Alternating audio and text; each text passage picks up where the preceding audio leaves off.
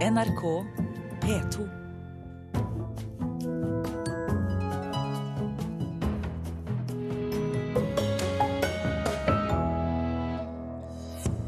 Hollywood eh, pumper ut filmer basert på data og TV-spill de neste årene.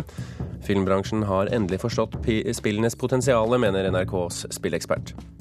Venstres grunnlovsforslag er en bastard, sier Arbeiderpartiets Martin Kolberg. Språkstriden rundt Grunnloven fortsetter. Og Kirsten Heiberg var en berømt filmstjerne i nazistenes filmer. En ny bok og en film skal gi svaret på hvem hun egentlig var. Og så skal du få møte kunstneren bak de nye dronningportrettene, Mette Tronvold. Hun kommer hit om drøye ti minutter. Kulturnytt får du i dag med Birger Kolsrud Jåsund i studio. Hollywood pumper ut filmer basert på dataspill de neste årene.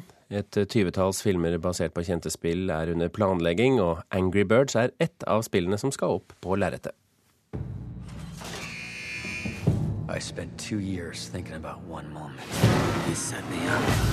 På fredag hadde filmen Need for Speed premiere på norske kinoer, som første helgen ble sett av nærmere 30 000 publikummere.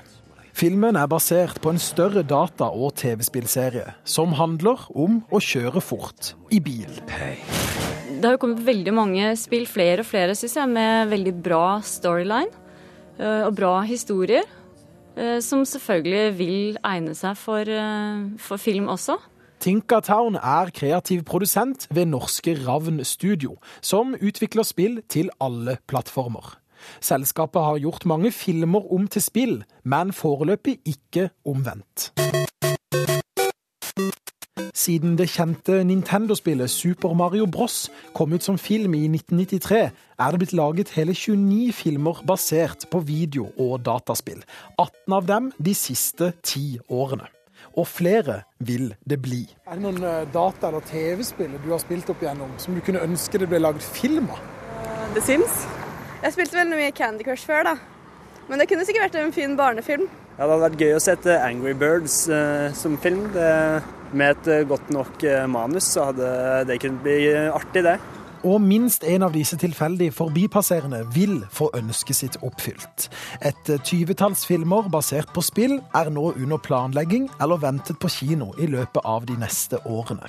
Blant dem World of Warcraft, Gram Turismo og i 2016 kommer også filmversjonen av det kjente mobilspillet Angry Birds. Et, eh, et, godt univers og en god historie, den, eh, den bør egne seg for eh, flere plattformer. Folk som ikke er så glad i å lese bøker, sier jo gjerne at ja, jeg venter til filmen kommer. Og folk som da ikke har 40 timer å investere i et spill, vil kanskje si det samme. De venter til filmen kommer. Det siste du hørte var altså fra Tinka Town til reporter Christian Ingebretsen. Rune Haakonsen, eh, spillekspert fra Filmpolitiet her på NRK P3. Hva er det som har skjedd i Hollywood som gjør at stadig flere filmer er basert på spill? Jeg tror at eh, de store og de rike Hollywood-sjefene har innsett at eh, spill har et enormt publikum, at det er et potensial å hente ut disse historiene og presentere de også på kinolerretet. Så i all hovedsak tenker jeg nok at spillbransjen sin status og sin suksess endelig har nådd helt inn i sjefskontorene i, i, i Hollywood. Er de på jakt etter den profitten som ligger her? eller er det de gode historiene? Jeg tenker nok eh, vi skal være ærlige og si at det er profitten som ligger i, i bunn for akkurat denne nye bølgen av, av, spillfilmer. Nettopp fordi at uh, spill har et så stort publikum, så er det et lite utappa potensial å få disse til også å bruke penger på, på kino. Men uh, det er mange gode historier, og flere av talentene som tidligere har gjort manusarbeid og skrivearbeid for, for filmbransjen, har gått over til spillbransjen, så vi ser en, en, en bevegelse også av talenter over i den, i den retningen. Nå er ikke videospill som blir filmatisert eh, noe nytt i og for seg, men, men har måten det blir gjort på forandret seg? I, I, aller høyeste grad. Og, og, og, her er det igjen kapitalen som kanskje utgjør den største forskjellen. Eh, de siste 20 årene så har det kommet en god del filmer eh, innenfor dette segmentet, men de har gjerne vært av, av laber kvalitet. Den tyske regissøren Uwe Boll er en av de mest beryktede så, som sådan sådan, med en lang rekke kalkuner som han har ansvar for. Nå er det de store regissørene, det er de store stjernene og de store kapitalkreftene fra de største studioene som beveger seg inn i akkurat denne videospillfilmmarkedet, og det er nok det som er den store forskjellen nå i de kommende årene. Men syns du at alle spillene som blir til film, egner seg for lerretet? Absolutt ikke. Her gjelder det å ha en, en, en god kritisk sans. Jeg tenker nok at uh, spillet, filmen Battleship, som var basert da på brettspillet Battleship, eller krigs, slag, slagskip som det heter på norsk, det var en av de som kanskje man burde hoppet over. Ja, Hvorfor det? Fordi det er ikke en historie i utgangspunktet. Der har man tatt et helt grunnleggende konsept fra spillet og konstruert en historie rundt dette. Jeg tenker at Spillene som allerede har en sterk historie i seg, er nok de som passer best på filmlerretet. Og fjorårets The Last, The Last, of Us er nok en av de beste eksemplene på, på, akkurat det. Men hva skal til da for at et spill blir til god film utover dette? Eh, ja, vet du hva? Der er det de samme kriteriene som ligger til grunn for alle andre typer filmer. Man må ha et godt manus manus, man må ha gode figurer, gode skuespillere og et godt teknisk apparat rundt for å produsere det. Og i Need for Speed-filmen, som begynte nå på fredag, så syns jeg de har klart til å, å, å, oppnå mange av disse kriteriene. Så det er jo en god actionfilm etter mange av de kriteriene i hvert fall jeg ser etter. For der er det jo et hevnplott. Og, men, eh, det er jo aldri galt. Nei, det, det, funker jo alltid, men det må jo også legges til at selve historien i Need for Speed er noe av det mest klisjéfylte også man kan eh, få finne. Eh, hva tror du om Angry Birds-filmen? da? Gleder du deg til at den kommer? Jeg er i hvert fall nysgjerrig, for jeg har ingen anelse eller forståelse for hvordan dette kan utvikle seg til en god filmhistorie, men når de likevel kaster penger på det som de gjør med dette prosjektet, så kan det jo hende at det blir noe, noe som er verdt å se likevel. Det ligger i hvert fall en konflikt i bånn, om ikke annet. Rune Haakonsen fra Filmpolitiet, tusen hjertelig hjertelig takk for at du var med i Kulturnytt.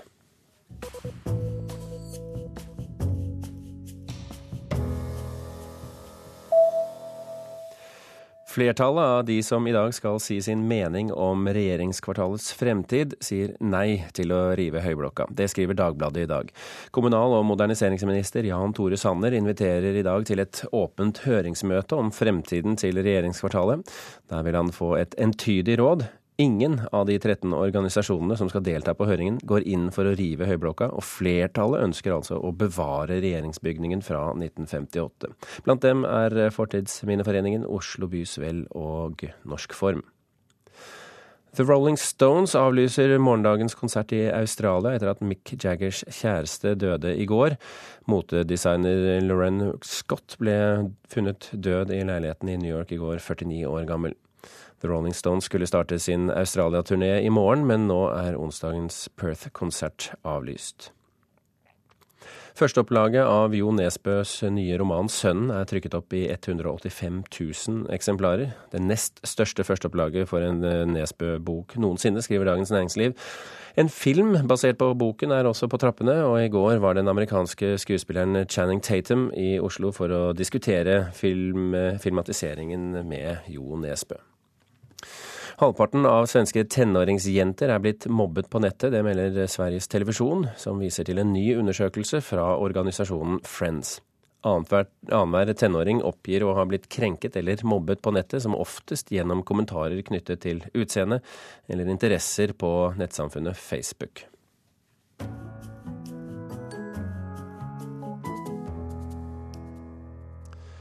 Diskusjonen om hva som skal skje med språket i Grunnloven fortsetter.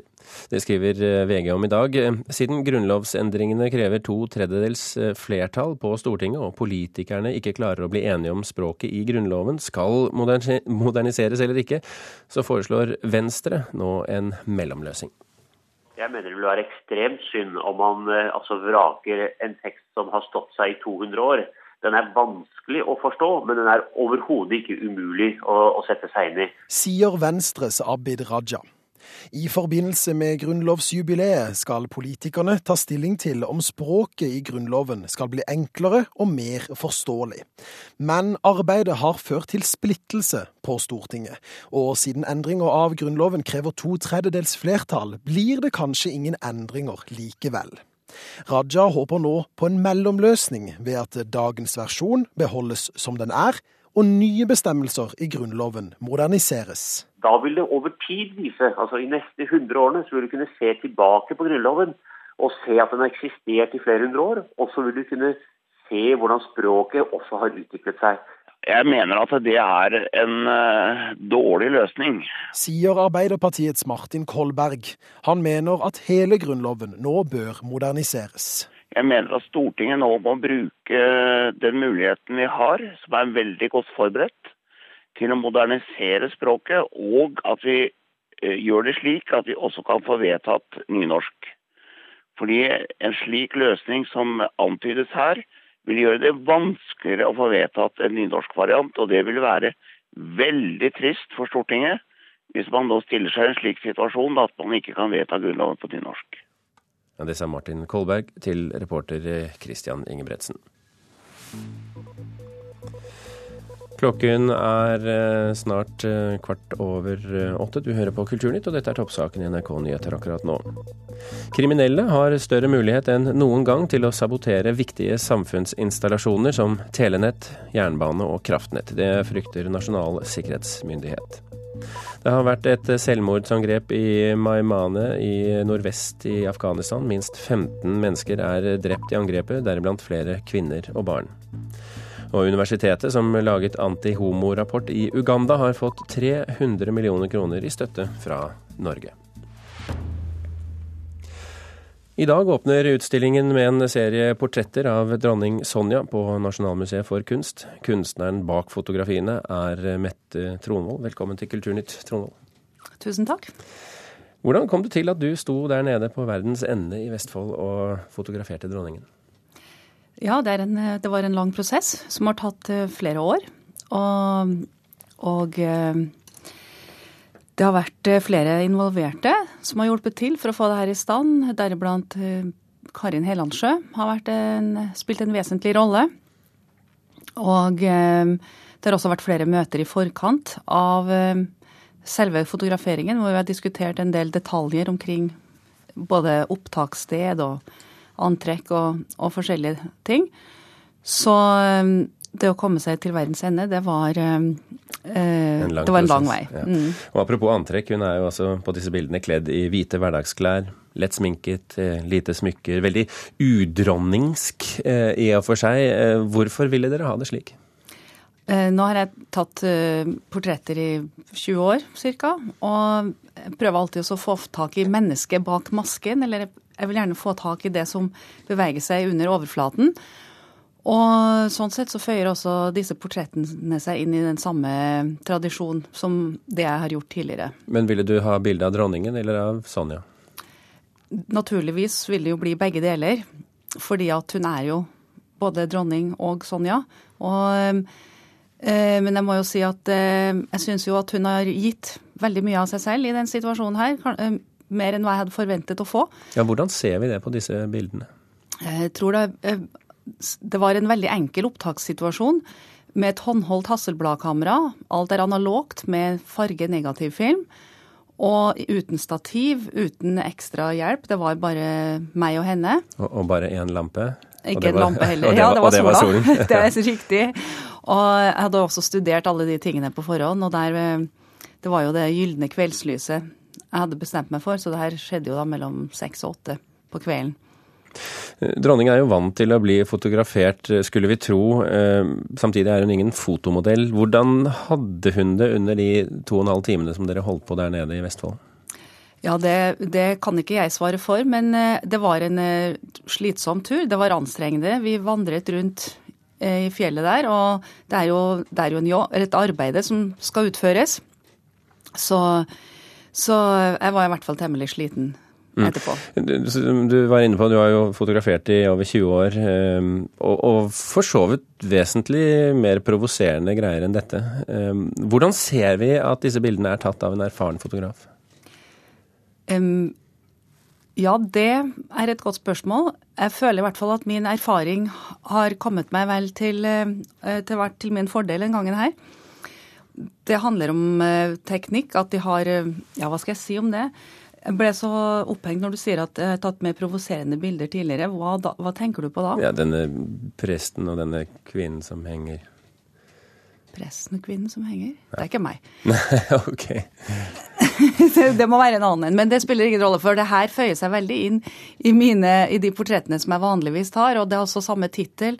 Hvis jeg tar, har vært i Mongolia eller eh, jeg tok et bilde av min bestefar som heter Peder Svorkmo, f.eks. Det beskriver da det er navnet på personen og, og stedet. Ja, for, for mesteparten av dine ja. bilder er jo mennesker som står eller sitter stille i et landskap eller et, en, noen omgivelser.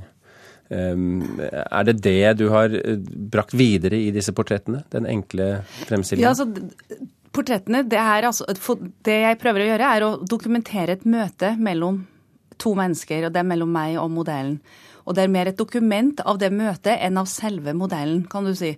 Og det den interessen for å møte et menneske på egne premisser, det er vel egentlig det som er utgangspunktet mitt. Jeg er mer opptatt av det enn å se f.eks.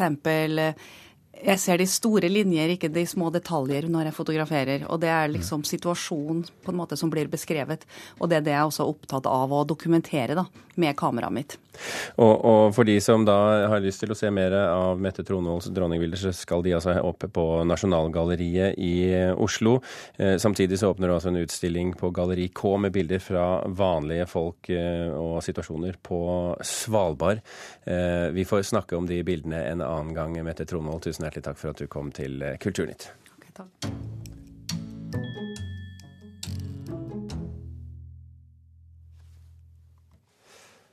Norske Kirsten Heiberg var en av Nazi-Tysklands største filmstjerner og ble markedsført som en fristerinne fra det høye nord av tysk filmindustri under annen verdenskrig. En ny bok og en ny film skal nå forsøke å forklare hva slags forhold hun egentlig hadde til nazismen. Ja und nein, das kann dasselbe sein, damit die Frau dann vielleicht ganz genau das erreicht, was sie haben will. Kirsten Heiberg ble født i Kragerø i 1907 og debuterte på Nasjonale Scene i Bergen i 1929. Hun gifta seg med den tyske komponisten Fransk Gråte, som var medlem i nazipartiet NSDAP. Og han hadde gode forbindelser, som fikk betydning for Heiberg. Her fra et intervju i 1940. Så sier plutselig Kurt Guts det er synd, frøken Heiberg, at vi ikke er skuespillerinne. Jeg har en rolle som ville passet dem glimrende. Forfatter Bjørn Erik Hansen har hylla mer enn full av tyske filmer fra krigens dager. Laga under sterk kontroll av nazistenes propagandaminister Josef Goebbels. Hansen har granska tyske arkiv og bøker for å forstå nazistenes filmpolitikk, og Kirsten Heibergs rolle midt oppi dette. I norske leksika så står det at Kirsten Heiberg var en motstander av eh, nazismen. Og er dette sant? Altså, de tjente jo grovt, disse skuespillerne, i forhold til vanlige folk. Altså, de eh, var på Hollywood-nivå, altså. Men hadde hun da en slags eh, politisk agenda som gikk på at hun var motstander av systemet, og på en måte ja, hjalp jøder og støtta opp eh, det, det har jeg prøvd å finne ut, da. Kirsten Heiberg var i Tyskland fra 1937. Fram til 1945 spilte hun inn 13 filmer. Veldig interessant, fordi man tror at det her handler om eh, faner og flagg med hakekors og sånn, men det, sånn var ikke det i det hele tatt. Det er veldig lite sånt eh, For Goebbels likte ikke det, for at propaganda skal være usynlig, sa Goebbels. Det er da den virker. Det er akkurat som å oppdratt barn. Sånn snakka han. Eh, og, og barnet skal ikke merke at det blir oppdratt. Det er da det er sånn propagandaen skal virke, og det er da den er effektiv. Etter krigen spilte hun bl.a. i revyer i Tyskland, før hun fikk jobb på Trøndelag Teater i 1952. Hun ble ansatt av den samme mannen som i 1942 så sin sjef bli henta og skutt av nazistene. Eh, hvorfor ansatt han Kirsten Heberg? Hva tenkte han om det, eh, og hva visste han? Boka om Kirsten Heiberg kommer i september-oktober i år. Og Hansen har fått penger for å lage en dokumentarfilm om Heiberg. Men rettighetene til å bruke tyske filmklipp med divaen ble dyrere enn antatt. Vi må jo vise Kirsten Heiberg dette flotte. Hun var jo med 'Titanic', f.eks. En svær satsing som da var Europas dyreste film, som Goebbels uh, satte i gang. Da må vi vise dette her, men det koster penger.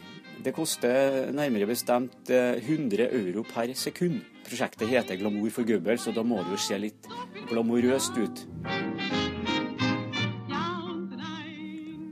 Ja und nein med Kirsten Heiberg. Reporter her, det var eh, Lars Erik Skjærseth. Franske kulturarbeidere protesterer nå mot forslag om å frata dem velferdsgoder. Franske musikere og skuespillere trenger ikke jobbe like mye som andre yrkesgrupper for å få arbeidsledighetstrygd, og nå vil Frankrikes største arbeidsgiverorganisasjon reformere den snart 80 år gamle spesialordningen. Denne uken møttes partene til forhandlinger, men demonstrasjonene har allerede pågått i ukevis.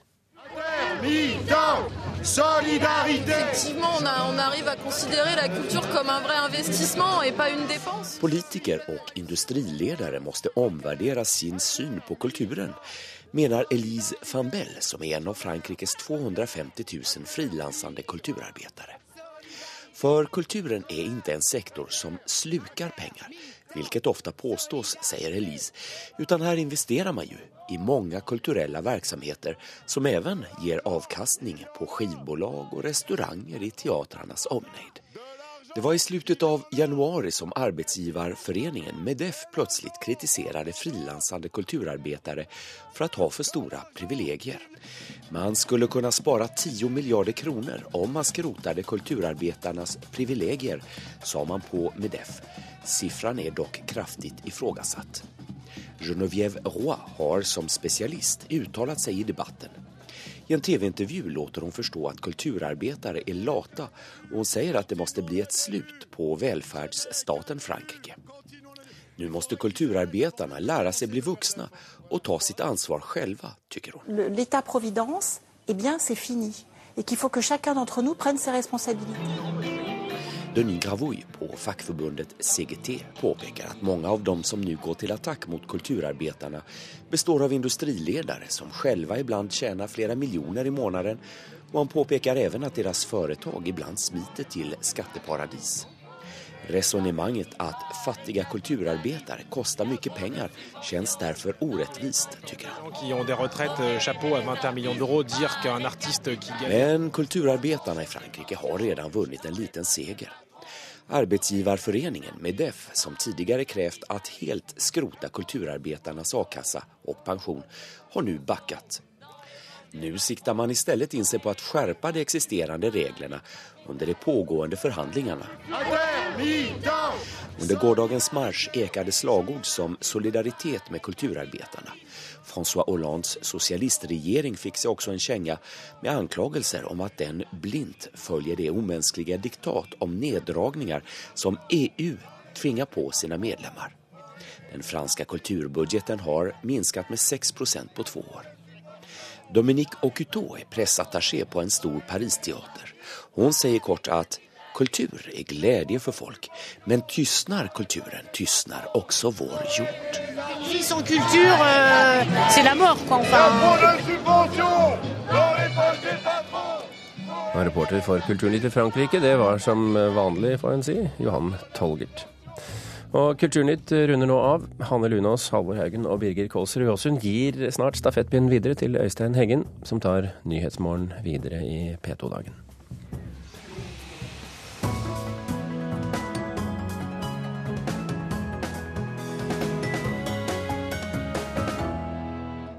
Hør flere podkaster på nrk.no podkast.